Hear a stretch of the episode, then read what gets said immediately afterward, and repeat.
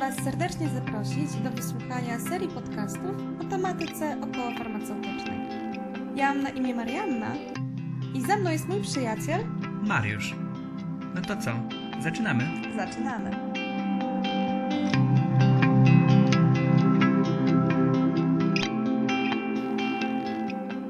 W drugim odcinku skupimy się na walce z bakteriami, a raczej nad tym, jak one walczą z nami.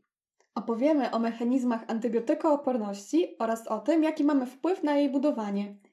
Jesteście ciekawi? Zacznijmy od kontekstu historycznego. Odkrycie penicyliny G w 1928 roku przez Aleksandra Fleminga nie bez powodu jest uznawane jako jeden z kamieni milowych medycyny XX wieku. Wydarzenie to zapoczątkowało rewolucję w walce z groźnymi infekcjami bakteryjnymi i dzięki temu do dziś jesteśmy w stanie uniknąć groźnych konsekwencji chorób, takich jak gruźlica, angina czy zapalenie płuc. Na dzień dzisiejszy ciężko byłoby znaleźć osobę, która chociaż raz w przeciągu swojego życia nie przeszła antybiotykoterapii, czyż nie? Dlatego na samym początku warto postawić pytanie: czym są antybiotyki oraz w czym tkwi ich ta niepozorna wyjątkowość? Z typowej definicji antybiotyku wynika, że jest to naturalny, wtórny produkt metabolizmu mikroorganizmów, który wykazuje wybiórcze działanie na struktury komórkowe bądź procesy metaboliczne drobnoustrojów. Hamują ich wzrost, podziały oraz niekiedy prowadzą do śmierci. Obecnie możemy te substancje podzielić na antybiotyki pochodzenia naturalnego, półsyntetyczne oraz syntetyczne, tzw. Tak chemioterapeutyki. W zależności od budowy chemicznej, leki te mogą wykazywać różne mechanizmy działania. Na przykład mogą zakłócać syntezę ściany komórkowej bakterii, przykład antybiotyki beta-laktamowe, do których zaliczymy m.in. wspomnianą wcześniej penicylinę G oraz inne cefalosporyny, monobaktamy czy karbapenemy. Zakłócanie syntezy kwasów nukleinowych, zakłócanie syntezy białek, upośledzenie przypuszczalności błony komórkowej bakterii. W obecnych czasach dysponujemy ogromną grupą leków bakteriobójczych i bakteriostatycznych. Posiadamy substancje o najróżniejszych spektrach działania.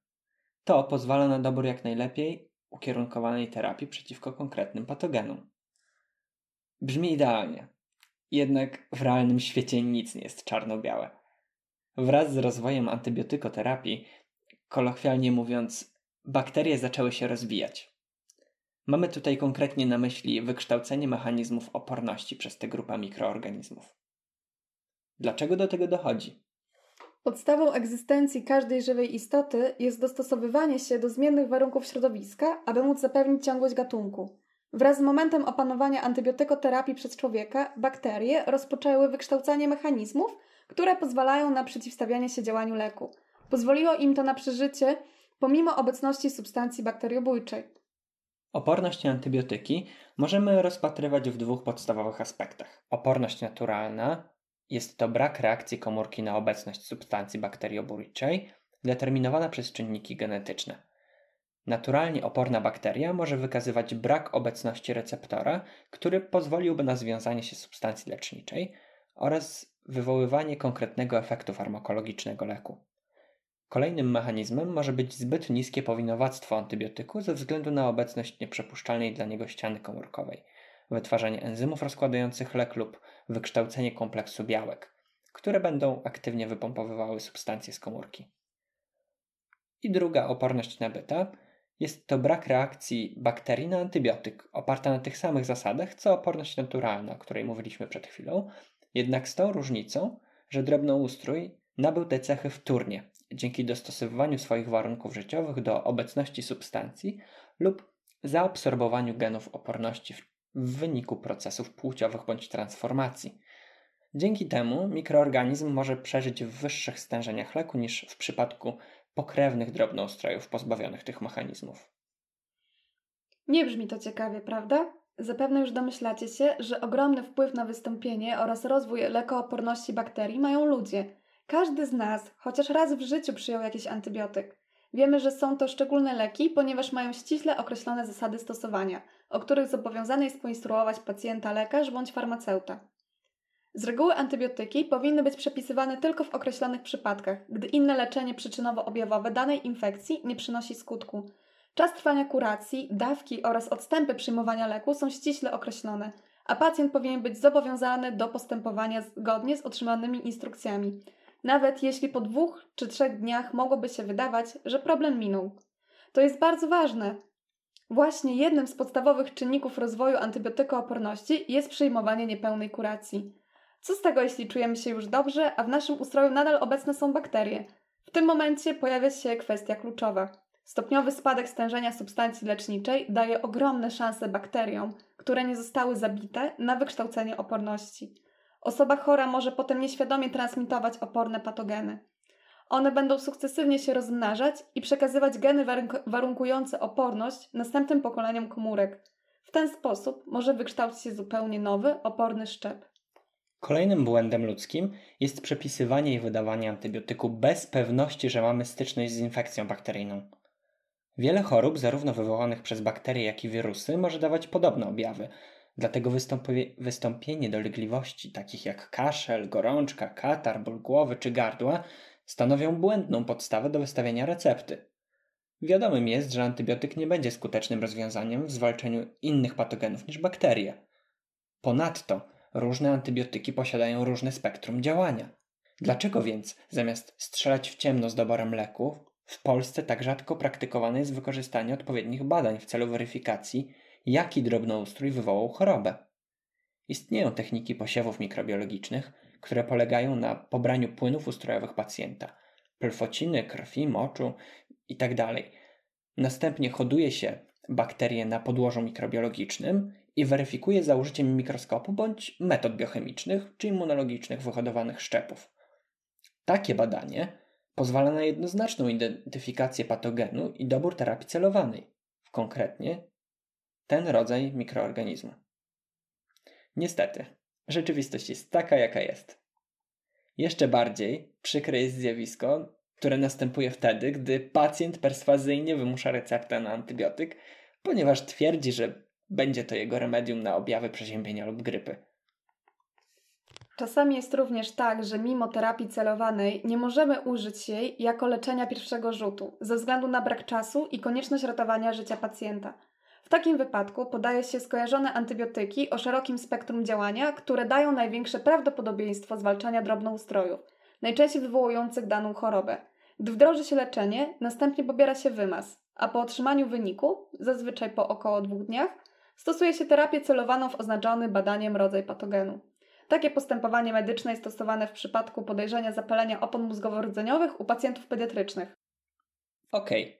Ale przecież wspomnieliśmy, iż antybiotyk jest skuteczny tylko w przypadku bakterii. Więc jeśli nie jest to infekcja bakteryjna, to nie powinno być problemu przecież. Otóż nie. Nasz organizm jest zasiedlony przez tysiące różnych gatunków mikroorganizmów, które wspólnie tworzą florę bakteryjną.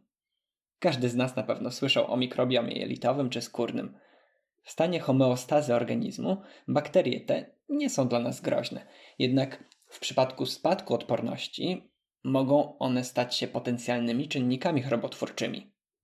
Przechodząc wcześniej niepotrzebną antybiotykoterapię, pacjent mógł zupełnie nieświadomie wyhodować w sobie antybiotykooporny szczep. Taką infekcję można tylko wyleczyć silniejszymi le lekami o coraz to bardziej skomplikowanym mechanizmie działania, co czasem jest bardzo wyniszczające dla naszego organizmu. Następnym fatalnym czynnikiem sprzyjającym rozwojowi antybiotykooporności jest stosowanie e, antybiotyków w hodowli zwierząt. Ogromne fermy są doskonałym środowiskiem dla rozwoju bakterii. Antybiotyki stosuje się w celu podniesienia masy zwierząt oraz poprawienia ich kondycji zdrowotnej. Stosowane dawki są zbyt małe, aby całkiem zneutralizować patogeny, więc warunki dla wykształcenia mechanizmów oporności są doskonałe. Kolejnym czynnikiem może być również zbyt częste stosowanie środków dezynfekcyjnych. W 2017 roku WHO opublikowało raport zestawiający 12 najniebezpieczniejszych opornych na leczenie szczepów bakterii. Naukowcy prognozują, że wszelkie zabiegi szpitalne, takie jak cesarskie cięcie, chemioterapia czy przeszczepy narządów, mogą być bardzo ryzykowne ze względu na możliwość zakażenia antybiotykoopornymi bakteriami.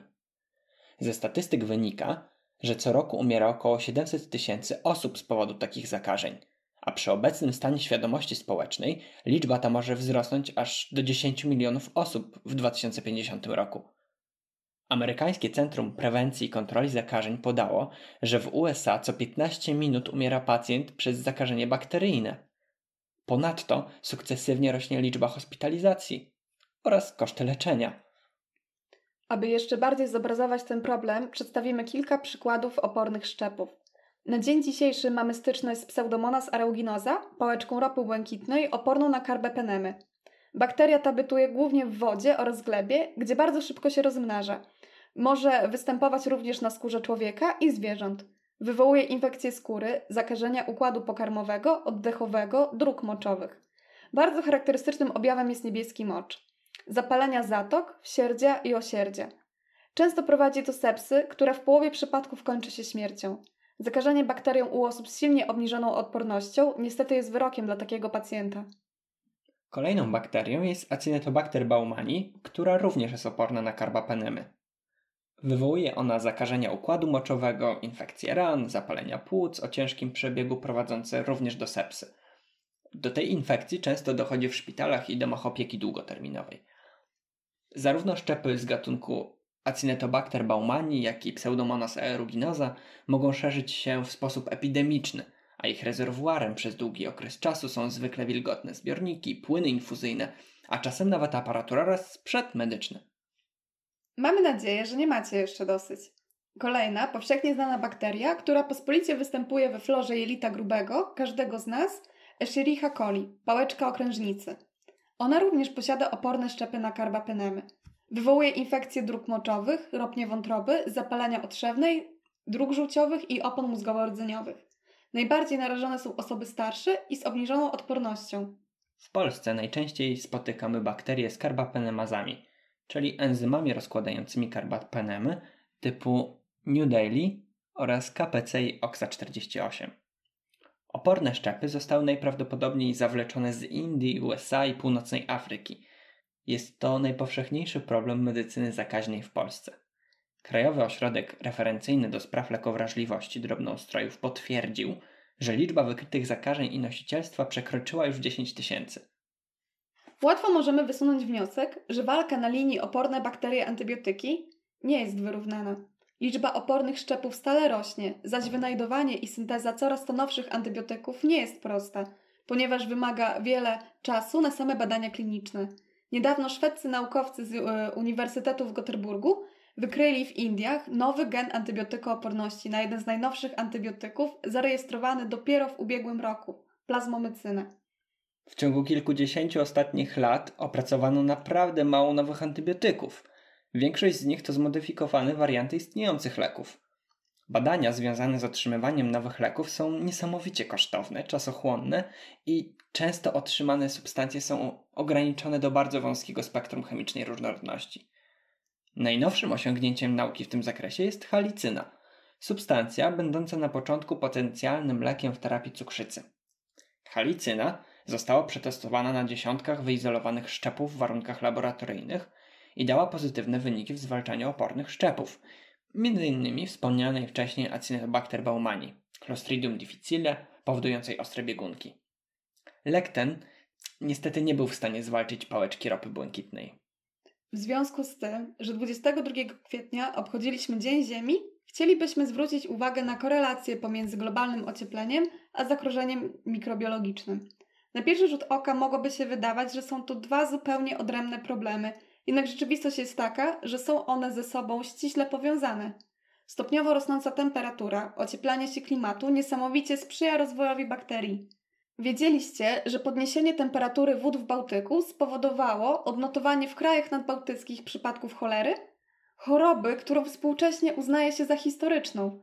Zmieniający się klimat niesamowicie sprzyja transmisji bakterii przenoszonych za pośrednictwem wody, ponieważ temperatura zbiorników wodnych stała się środowiskiem, gdzie drobnoustroje mogą się już swobodnie rozwijać. Problem szczególnie widać w krajach rozwijających się, w których obecny jest ciepły, tropikalny klimat, a warunki sanitarne nie są dobre. Topniejące lodowce i wieczne zmarzliny są ogromnym rezerwuarem mikroorganizmów, które zostały zamrożone setki tysięcy, a nawet miliony lat wcześniej i przeszły w stan latencji. Nie zapominajmy, że bakterie i inne mikroorganizmy mają doskonale wykształcone mechanizmy przekształcania się w przetrwalniki, które mogą spokojnie czekać dużą ilość czasu na polepszenie warunków i ponowne przejście w stan wegetatywny. Można powiedzieć, że jest to tykająca bomba biologiczna, ponieważ nie mamy pojęcia, jakiego rodzaju drobnoustroje są w niej zamknięte oraz jakie choroby mogą one wywoływać. Podsumowując, informacje zawarte w dzisiejszym podcaście nie są zbyt optymistyczne. Pamiętajmy natomiast, że wszystko jest w naszych rękach. Rzetelna edukacja na temat rozsądnej antybiotykoterapii i ograniczenie stosowania tych grup leków jedynie do przypadków, które rzeczywiście wymagają ich wdrożenia do farmakoterapii, są kluczowymi elementami, które pozwolą na ograniczenie rozwoju antybiotykooporności. Myślimy, że na dzisiaj wiedzy o bakteriach już wystarczy. Bądźcie zdrowi. Do usłyszenia w kolejnym odcinku.